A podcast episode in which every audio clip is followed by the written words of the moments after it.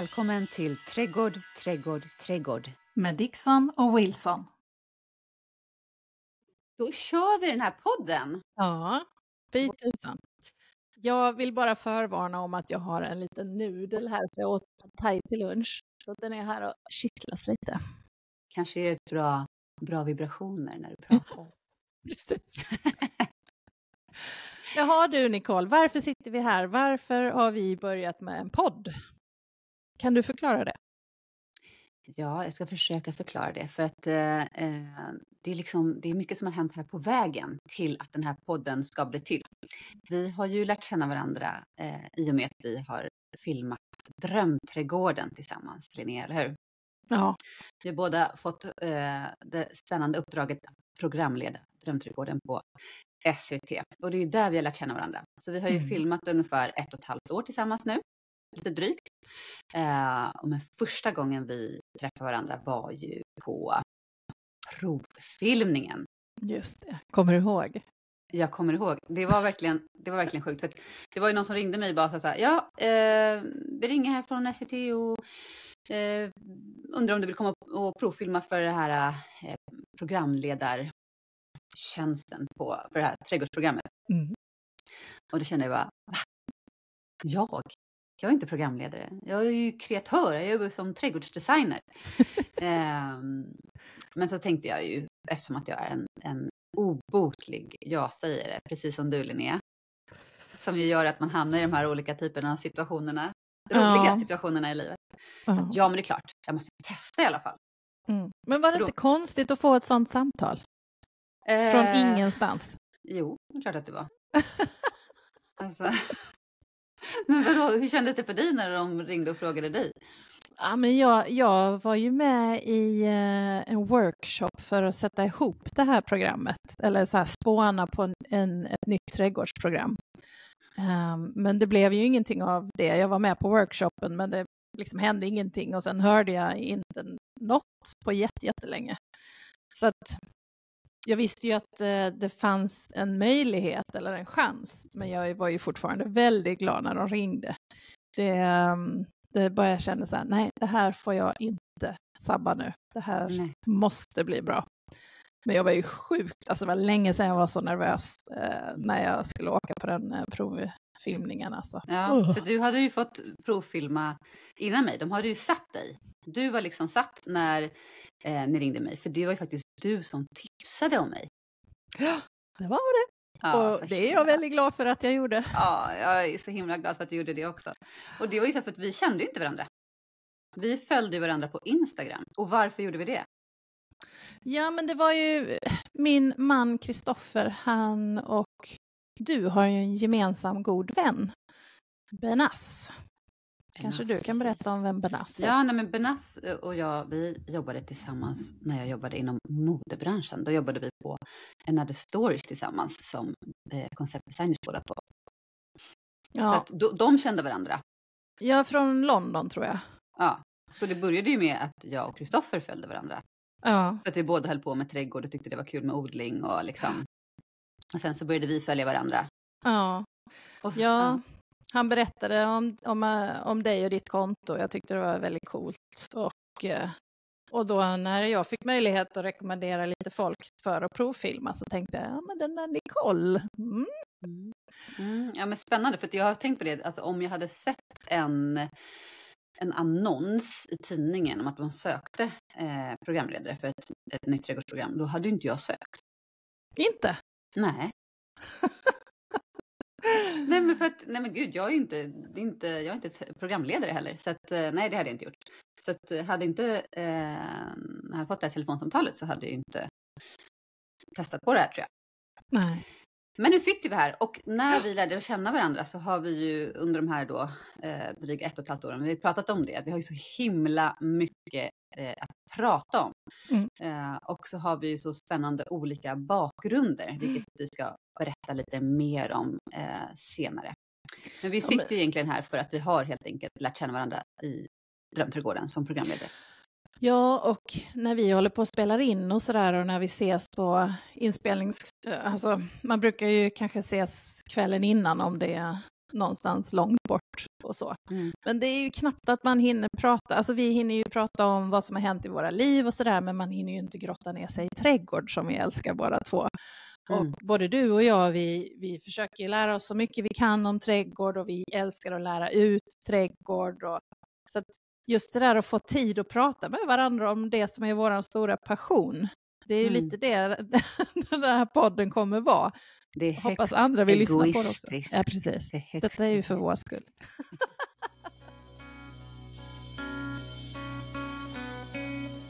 Ja, nej men, eh, precis, och vi känner ju också att vi kompletterar varandra väldigt bra. Vi jobbar ju båda två med trädgård, men på olika sätt. Och Mm. eh, har kommit eh, till våra, eller ja, jobbar med det som vi jobbar med idag. Eh, Mm. Vägen dit har sett väldigt olika ut för, för dig och mig.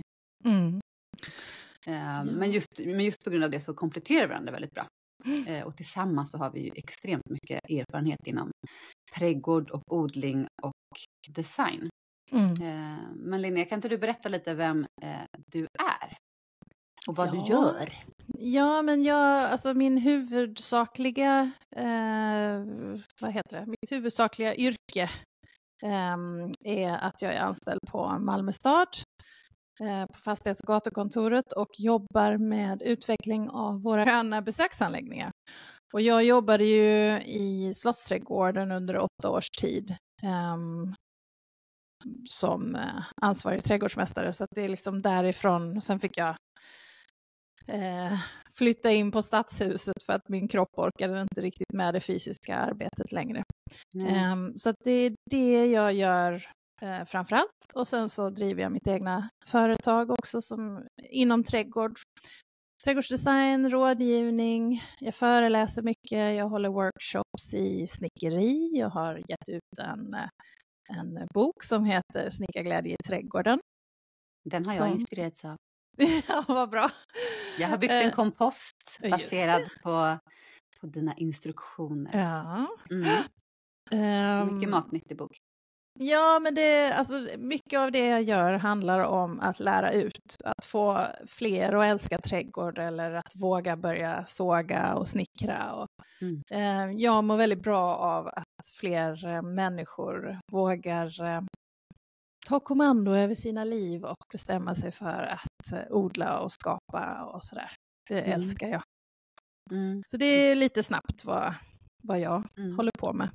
Och den, den eh, drivkraften och passionen, den delar vi ju verkligen. Vi har ju här att vi båda vill, vill som en mission att få fler att eh, hitta trädgård. Just för att Ja. det finns ju faktiskt ingenting som får en att må lika bra som att vara i sin trädgård. Mm. Och det är ju det som är så roligt med det här tv-programmet också, Drömträdgården.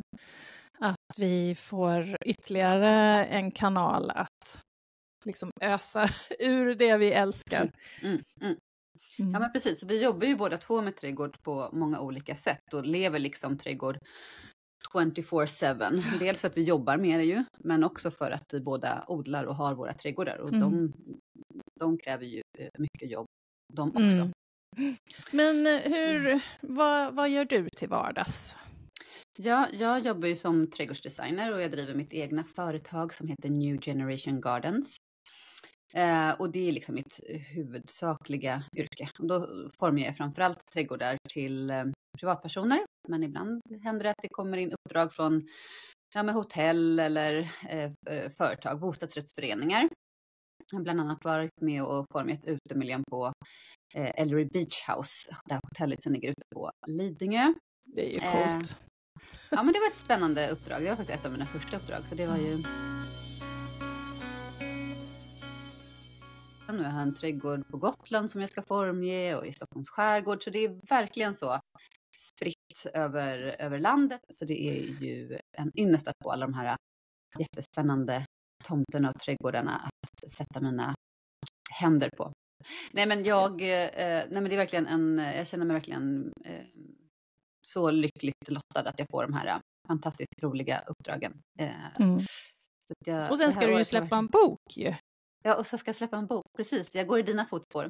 Att, eh, min första bok kom ju här nu i 22 mars och jag skriver Yay! om trädgårdsdesign och eh, Framförallt med fokus på egentligen hur man fångar en känsla i en trädgård, eh, men inte bara med växter. För absolut, växterna är ju en jättestor del i eh, trädgården. Men ibland känner jag att man glömmer bort de här andra elementen i trädgården, som vilken färg det är på gruset till exempel. Alltså bara om man väljer en, ett grus som har lite röd färg i sig eller om man väljer ett grus som har lite bara grå ton i sig så ger det en helt olika helhetskänsla till trädgården. Så min trädgårdsbok handlar om hur man kan liksom fånga känsla på olika typer av eh, känsla och stil i trädgården med olika typer av element.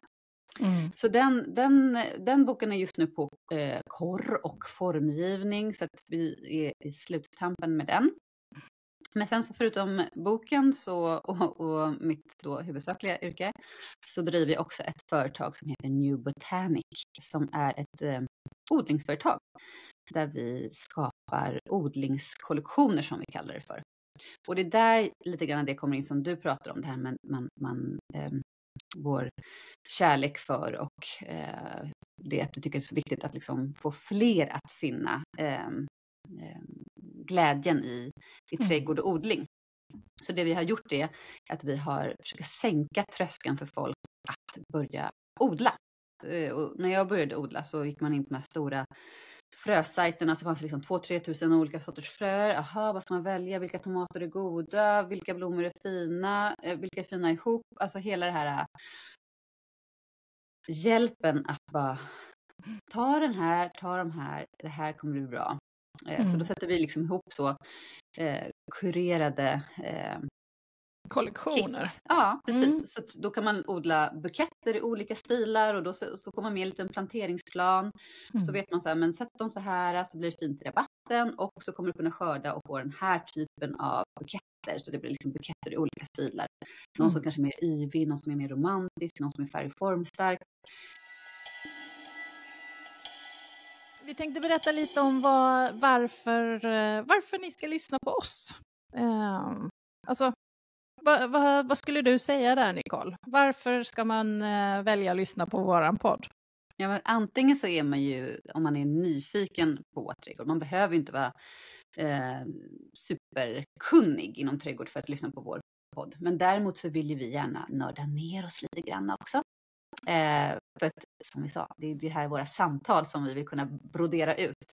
Eh, så att vi kommer ju eh, eh, förhoppningsvis inspirera folk till att kunna eh, hålla på med sina trädgårdar, skapa i sina trädgårdar och odla. Men också att det är inspirerande för folk som eh, också redan har en trädgård och har hållit på med den ett tag och kanske till och med jobbar med trädgård.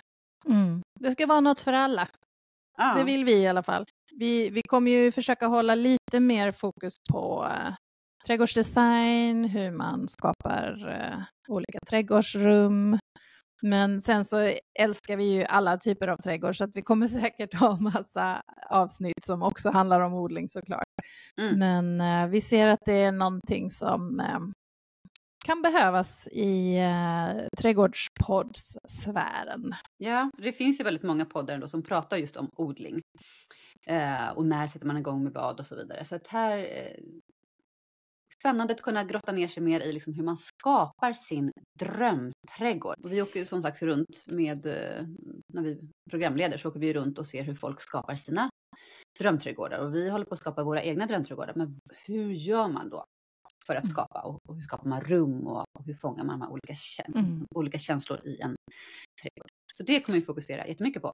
Ja, och så, så tänker vi också att avsnitten kommer vara döpta efter vad avsnitten handlar om så att man lätt ska kunna scrolla igenom. Jag skulle vilja lyssna på någonting som handlar om, vad ska vi säga, eh, fräcka perenner i i trädgården.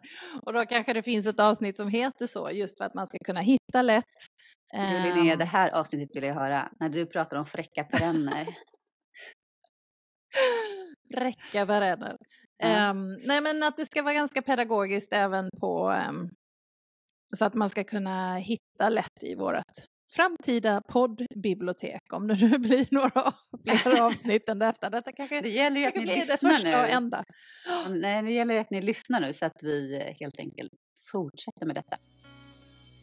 vi jobbar ju båda två eh, med trädgård på olika sätt, så det kommer ju också vävas in i det här eh, i den här podden, vad vi håller på med där och då under året. För att det är ju så att eh, vissa tror ju att man eh, gör snögubbar på vintern när man jobbar med trädgård. Vi har fått en lyssnarfråga, Nicole, från Fanny Linnea Win, eller Win, jag vet inte. Win. Eh, och eh, det var hur våra utbildningar ser ut och alltså hur vi kom och börja jobba med detta. Och det är ju ganska, mm. det är ju ganska spännande, för vi kom ju, som du nämnde i början, från helt olika håll kan man ju säga. Mm. Um, kan man verkligen säga. Kan ja. du berätta Linnea hur din resa till eh, trädgårds, trädgårdsexpert har varit? Eh, ja, men jag började, eller jag kommer från en familj som tyckte om att odla. Vi, eh, mina föräldrar flyttade till Sverige för att hålla på med självhushållning eh, och eh, skaffade en gård och odlade jättemycket där och jag, jag föddes in i det här och eh, tyckte det var väldigt roligt. Men sen så eh, flyttade vi till storstan för att livet är som livet är. Och vad är Men, storstan? Vad sa du? Vad är storstan? Malmö. Nej, alltså, alltså jag, jag, jag, jag, jag la ingen... Jag, la ingen, jag bara undrade. Stockholmaren. För vissa är Malmö en storstad. Det är en liten storstad. Jag älskar Malmö måste jag säga.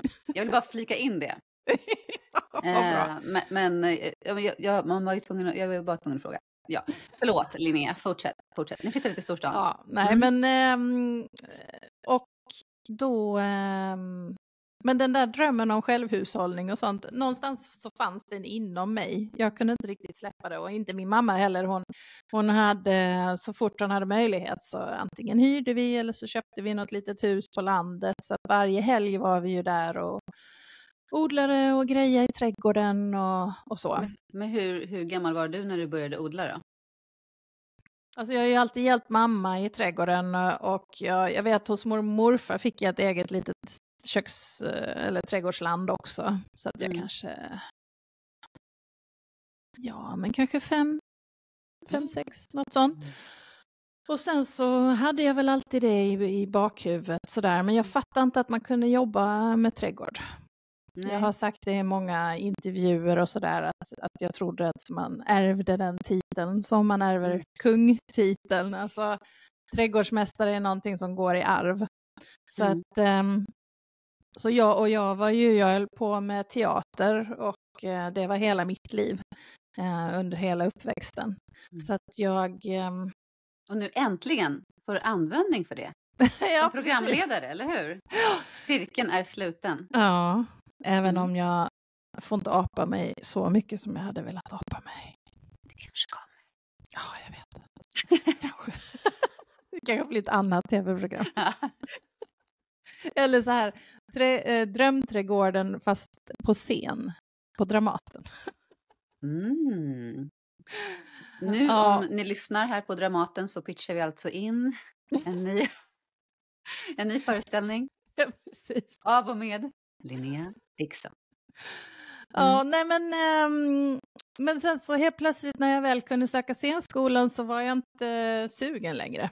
Um, så när jag var 19 så tappade jag bort mig själv lite. Jag, började, jag gick på serietecknarskolan i, uh, i Malmö uh, och tyckte det var väldigt roligt men det var ju inte något sätt att tjäna pengar på. Nej, men det är också kreativa Eh, också kreativa yrken båda två. ja, och serieteckning. Och... Där kan du ju verkligen berätta en historia, inte bara i text utan också i bild. Så att det påminner mm. ju ändå om teater på något vis, tycker jag. Um, men eh, det... Det kommer också komma en, en serie efter den här podden som heter en seriestripp-idén. Ja. Dixon och Wilson löser ett fall. Ja, just det. Ja. Eh, härliga, mysiga mord i vackra trädgårdsmiljöer. Mm. Dixon och Wilson. också. Ja, Detektivbyrån. Mm. Jag var lite förvirrad där i unga 20-årsåldern. något sånt. Eh, och till slut så gick jag till ett jättebra ställe vi hade i Malmö som hette Infoteket som var som en plats där man kunde gå och fråga studievägledare och sådär. Det kunde handla om jobb och studier. Men vad hette det, det som man hade i skolan? Syokonsulent? eller vad Ja, det? fast det Mm. här var liksom infoteket, alltså det var helt fristående så där kunde, du kunde vara 60 år och gå in där och, och få hjälp. Så att det Mm. handlar inte så mycket om, ehm, alltså det är klart det handlar om studier också, men det var mycket så här guida en hur man skriver ett CV och alltså det var bara en fantastiskt bra grej och det låg mitt i city i Malmö. Fanns Mm. i många år men sen försvann det. När är du som lyckligast? Och då sa jag, just då hade jag en liten odlingslott. Så då sa jag, ja men det är när jag, när jag odlar. Mm. Och då berättade han om Vilan utbildning som ligger mellan Malmö och Lund. Som har funnits där sedan 1800-talet. Varenda bonde i generationer har gått på den här Mm. utbildningen. Um, så att jag gick en grundläggande trädgårdsutbildning där och blev helt frälst. Alltså första veckan så stod jag bara där ute och kände att jag hade hittat hem. Jag hade aldrig känt mig så lycklig. Efter liksom just att ha haft några, har varit så säker på att jag skulle bli skådis och sen inte känna det längre. Och var helt borttappad i flera år och sen plötsligt bara hitta hem. Så det var, det var så det började. Och de vilan öppnade upp mina ögon för att börja på Alnarp. Så att jag läste till trädgårdsingenjör med inriktning design på Alnarp. Förlåt, hur lång, hur lång var den första utbildningen på vilan? Den var ett år. Mm. Mm. Förlåt att jag skrattade, men var att jag såg min man smyga runt bakom dig. det såg inte jag. Jag är så upptagen med mig själv. Förlåt. Eh, Ja, nej men det är bra, du du är fokuserad. Vi pratar ju här om, om vårt liv. Mm. då är klart är fokus. Ja, men och, och just alltså, vad som har varit jätteviktigt för mig i allt det här pluggandet. Alltså jag är ju inte jätteteoretisk. Ehm, jag tycker inte det är jättekul att, att läsa böcker och sen liksom svara på något prov. Men om jag får göra det rent fysiskt, alltså ut och gräva och ut och greja och så frön och sånt där, så lär jag mig mycket snabbare. Så Mm. det som var viktigt för mig, alltså vilan är ju en praktisk utbildning, men Mm. Alnarp är ju nästan bara teori. Och då kände jag att det var jätteviktigt för mig att kunna applicera det jag hade lärt mig eh, i skolan på yrket i eh, verkliga livet. Så jag såg ju till att skaffa mig diverse olika eh, trädgårdsarbeten så fort jag bara kunde. Så att eh, jag har ju i princip jobbat med trädgård lika länge som jag har pluggat trädgård. Eller liksom jag började ungefär samtidigt. Eh, och är det känner jag har gett mig jättemycket. Mm. Så nu har du hållit på att jobba med trädgård i år? Nästan 20 år. Mm. Mm. Det är väl typ 18 år eller något sånt. Mm. Ehm, Det är respekt. inom all, allt möjligt. Ja, men det är det som är så roligt att du har testat på så många olika saker. För att det är då man ju får den här äh, breda eh, kompetensen som du ju har. Mm. Mm. Ja. Ja, men spännande. Så det liksom gick via skådespeleri och frisöryrke och eh, eh, illustratör där och sen så landade det i trädgård så småningom. mm. men din väg har ju också varit lite krokig. Ja, Ja. eller den har liksom, jag tycker inte att den var, jo men den har varit krokig, det kan man väl säga. Men den har liksom varit så här, och sen, och sen, så. Den har liksom inte varit så mycket så. Jag, jag eh, eller nej, nu ljuger jag lite. Det har den faktiskt. Först skulle jag faktiskt bli ekonom. ja, just det. Alltså, Ja. det Ja, Det ser, känns jag, så jag, har, jag har glömt bort det. Ja, nej, men jag pluggade på Stockholms universitet. Och men var, var kom det ifrån? Varför kom Nej, men varför att jag inte ville bli som, eh, eh, men du vet, man ska inte bli som pappa. Han är, han är ju konstnär. Ja. Då ska man göra någonting annat. Jag ska bli Ja. ekonom. Mamma var barnmorska, pappa eh, konstnär. Och så då jag skulle vara någonting så oh, fyrkantigt. Um, jag är både det kreativa och det liksom ehm, mer eh, inrutade eh, organisatoriska. Det skulle för sig inte min man säga. Men Men det kanske är någon sån stenbocksgrej Mm. För att jag är ju också jättekreativ, men Mm. älskar rutiner. Jag är inte en sån som är uppe hela natten och sitter och ritar och dricker vin och så. Nej, För det är ju det man gör om man är kreativ. ja, Men, eh. Mm. men jag älskar det här, eh, alltså ha en struktur på saker och ting och ha rutiner och veta vad som kommer. Och, Mm. Ja, men Mm. det är ju en väldigt bra kombination för då, Mm. eh, då kan man också hålla på lite som vi gör med alla möjliga saker. Mm. Men vad gjorde du sen då när du insåg att du inte skulle vara ekonom? Ja, nej men nej precis. Då sökte jag till Beckmans. Eh, då hade jag sett att de hade någon kvällsskola. Mm. Eh, så då gjorde jag arbetsprover till det och Mhm. kom in på en gång. Så det var ju eh, kul. Eh, och då, Men gjorde jag gick det. du kvällsskola då eller? då gick jag kvällsskola medan jag pluggade på universitetet. Så det gjorde jag ju Okej. liksom parallellt. Oj shit, pallar du det?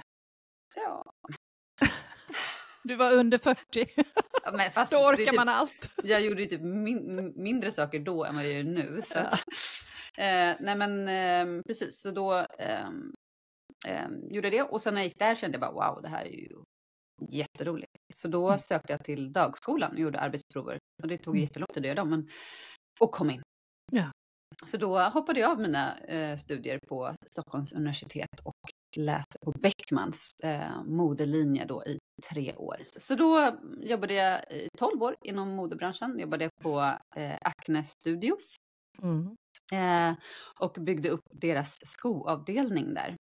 Och då, det var, var det inte någon skomodell som du har designat? Som är liksom känd över hela den blev, världen? men den blev lite ikonisk och eh, framförallt väldigt eh, kopierad. Pistol Short eh, hette den, eller heter den. Jag vet inte om de fortfarande har kvar den i sortimentet. Den fanns kvar i sortimentet väldigt länge. Mm. Ehm, Men det måste väl kännas Mm. häftigt att du har gjort någonting sånt. Som dels alla ville kopiera, men också som blev liksom lite ikonisk. Ja, men det var ju väldigt roligt. Sen så tycker jag ju såklart att det finns andra skor som jag har gjort som är, var ju mer liksom tillfredsställande, liksom rent som kreatör. Mm. Eh, ehm, eller i och för sig så är det väldigt tillfredsställande att se att det är väldigt många som använder någonting som man har ritat såklart. Men Mm. just rent så här formmässigt Mm. så eh, har jag fått ta ut svängarna på eh, framförallt Acne väldigt mycket. Ja. Men var det inte något sna- alltså var du inte på väg till Balens...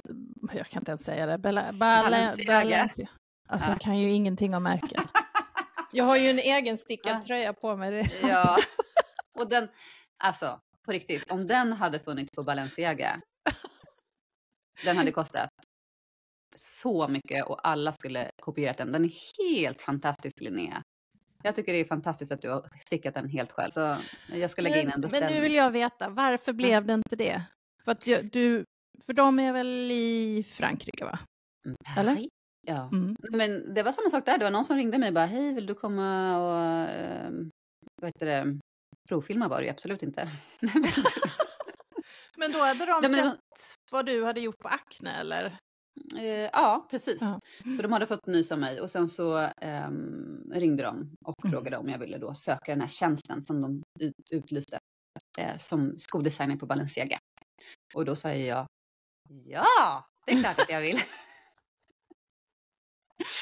och sen så gjorde jag, satte jag ihop ett, eh, en, ja, min portfolio och så, och så åkte jag ner till Paris och då flög de ner mig dit och så fick jag Wow. träffa Head of eh, Shoe Design där nere. Ehm, och vi hade ett jättefint möte. Han var verkligen så himla... Alltså vi klickade verkligen. Mm. Och sen så ringde de mig och sa du fick jobbet. Jaha. Men eh, det var Paris och, och då hade vi precis fått vår första son och så började liksom andra saker här hade börjat liksom växa och, och pocka i mitt huvud. Eh, så då tackade jag eh, nej. Har du ångrat dig? Nej, därför att det är inte ett, li- alltså, det är inte ett liv för mig känner jag. Att, att, alltså, då kan man inte ha, alltså, rättare sagt, man kan inte ha ett liv om man jobbar på de här modehusen. Utan då är det liksom 24-7. Eh, man, man sliter ju som ett djur. Jag har ju vänner som jobbar eh, på de här Mm. modehusen. Och eh, man reser jättemycket. Man åker till skofabriker, man bor typ på skofabriker. Och man, ja men du vet, så det är liksom, då får man ju nästan tänka sig att nu gör jag det här i några år och eh, försakar allt annat. Och det går inte riktigt att göra när man har ett, eh, då var ju Noel kanske ett eller något sånt. Mm.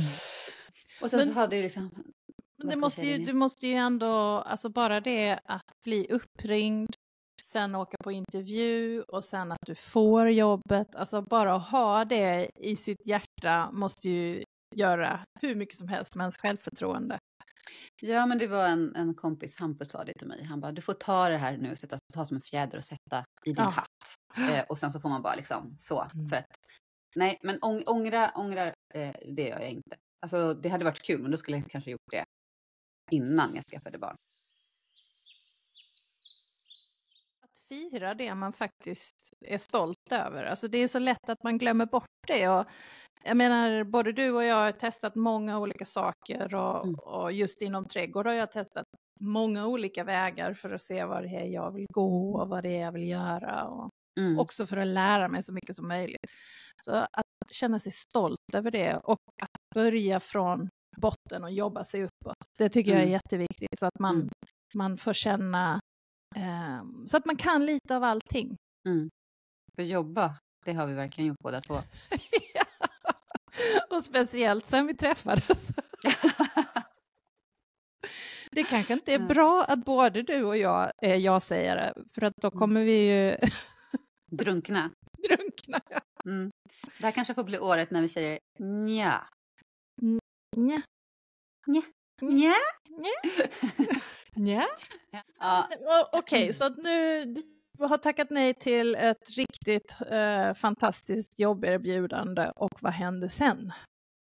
Nej, men sen fortsatte jag eh, jobba inom mode, men det, det växte ju någonting eh, inom mig. Ehm, och det var ju också att eh, ehm, när min son då var två, så jag försöker liksom kronologiskt tänka när allting så eh, gick ju min mamma väldigt hastigt ja. bort i, i cancer. Eh, vilket ju vände upp och ner på, eh, på allting eh, såklart. Ehm, och då när sådana saker händer och man mm, är nära döden eh, på det sättet, och, ja, man förlorar någon, så så omvärderar man ju också livet och vad som är viktigt och så. Mm. Och då eh, när mamma gick bort så fick ju vi, jag och min bror då ärva allt som fanns i, ja men som hon lämnade efter sig. Och då var det bland annat eh, mammas fröer. Eh, hon älskade att odla. Eh, och hon älskade trädgård och hon hade otroligt gröna fingrar. Så hon hade liksom samlat med sig frön från alla världens eh, hörn och hade liksom sin liksom, frö, frölåda, det var inte så, det var liksom frösamling. Så det började liksom med mig att jag började att så hennes frön då som jag hade ärvt. Och det var ju väldigt så en terapeut, eh, att liksom mamma fanns inte längre, men de här fröna som var mammas frön mm. väcktes till liv när jag stoppade dem i jord. Och så började det växa. Så att liksom livet fanns fortfarande kvar på något sätt. Så det var väldigt eh, liksom, ja, terapeutiskt. Men då, och då hände ju någonting med mig när jag började liksom se alla de här eh, fröna väckas till liv. Eh, så, och jag började odla så blev jag liksom helt hooked. Jag började lyssna på alla trädgårdspoddar som fanns. När jag cyklade, då jobbade jag inom mode. Då mode, jobbade jag på eh, Another Stories som konceptdesigner. Jag cyklade till jobbet, lyssnade på podd, gick på lunch, satte mig på eh, bänken vid Kungsholmen, lyssnade på trädgårdspodd, cyklade hem, lyssnade på trädgård. Alltså, jag har varit helt liksom, jag är lite så. Jag är eh, tusen procent eller inget. Det finns det är lite svårt där med mellan, mellanläget för mig. Mm. Eh, och jag odlade jättemycket och jag började dokumentera det jag odlade eh, på mitt Instagramkonto då, New Generation Gardens. Så det började ju liksom verkligen som en sån upptäckarresa och liksom utforskarresa i Det är eh, ett sånt himla bra namn. Jag tycker det är så jäkla bra. Mm.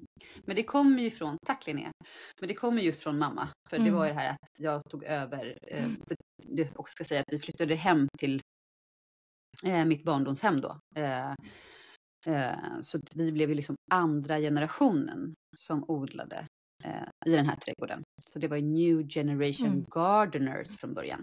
Och sen när jag gjorde det till ett företag några år senare så bytte jag namn till New Generation Gardens eftersom att jag får mer trädgårdar. Mm. Pluralis. Um, ja, men um, Och sen så eh, också en annan eh, grej var ju där med, med Andreas, min man. Han gav ju mig en, eh, en, en trädgårdskurs. Eh, Mhm. vilket, vilket jag ibland undrar om han ångrar. Ångrar. Hur? Om han, om han hade vetat att det hade blivit så här, hade han fortfarande gett mig den här Mm. trädgårdskursen som då eh, eh bara öppnade upp till alla möjliga olika sätt, sätt att eh, hålla på med trädgård.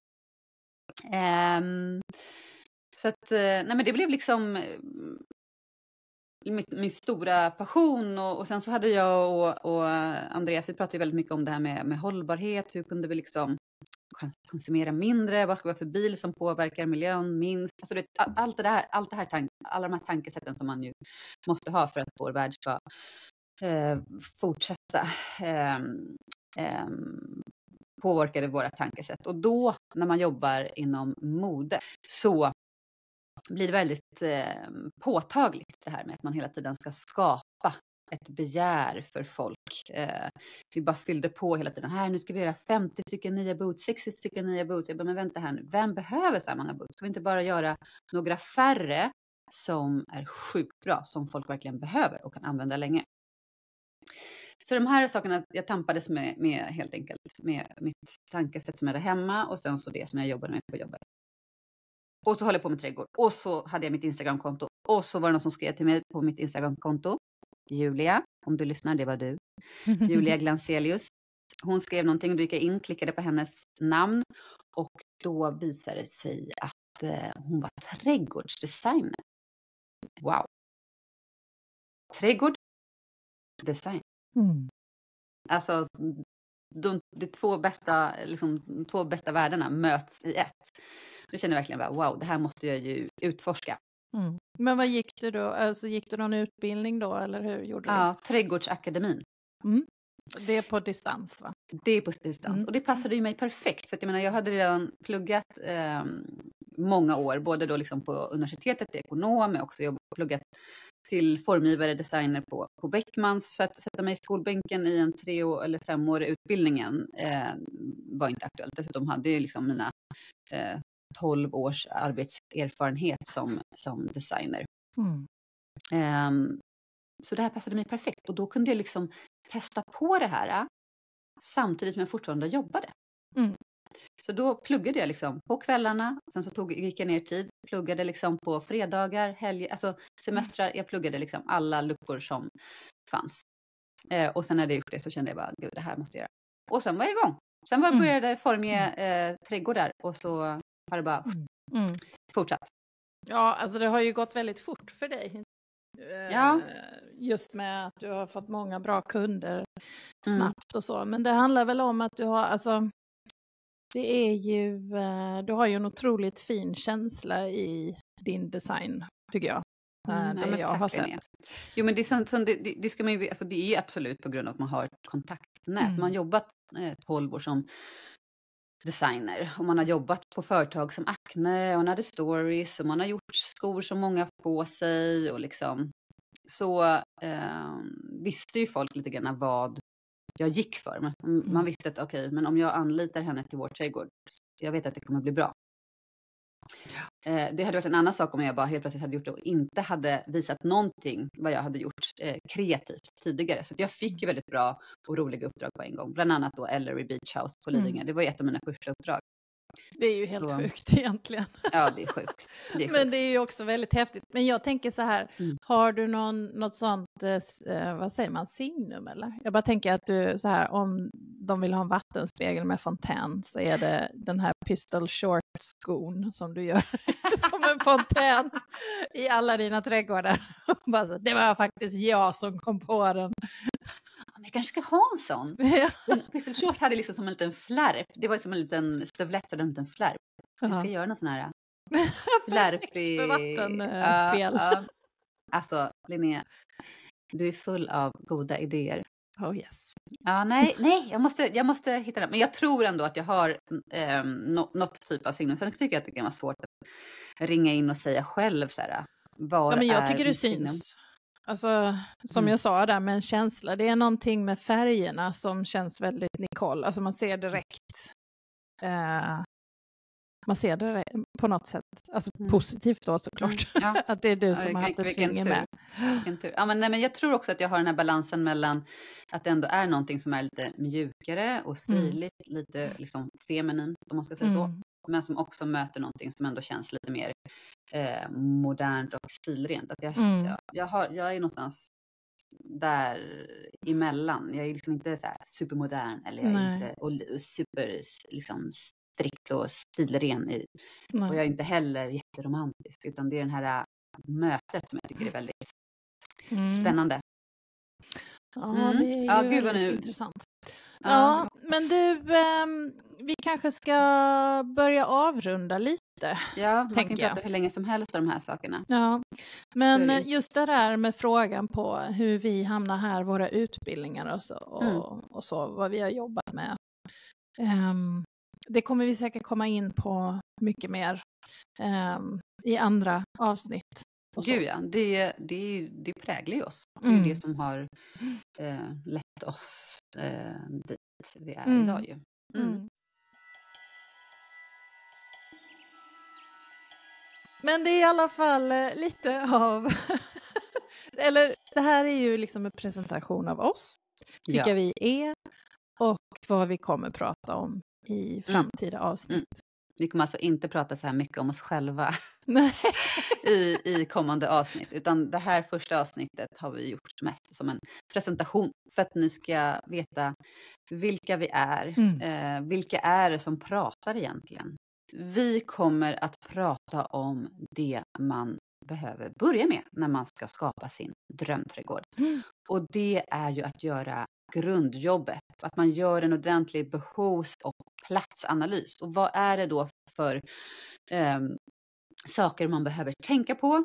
Hur tar man reda på vad platsen och ens trädgård har för ståndort? Vilka andra saker behöver man eh, ta hänsyn till och läsa in för att eh, eh, kunna fortsätta eh, arbetet med att skapa sin drömträdgård? Ja, allt, allt det där man inte vill börja med, utan Mm. det man vill börja med är ju bara att plantera massa grejer för att det är Mm. kul och för att man äntligen Mm. har en trädgård. Men Mm. eh, nej, vi ska ta det back to basic. Yes, back to basic. Så behov och platsanalys kommer första Mm. avsnittet handla om. Var börjar man? Precis. Vi vill tacka Alexander från I skydd av mörkret för vår fina jingel. Vill du följa våran podd kan du göra det på Instagram. Där heter vi Dixon och Wilson. Vill du se våran podd kan du göra det på vår Youtube-kanal Dixon Wilson Podcast. Och mer information om våran podd finns på www.dixonwilson.se och om du vill mejla oss så kan du göra det på hej dixonwilson.se. Och för dig som vill ha det där lilla extra så har vi ett Patreon-konto.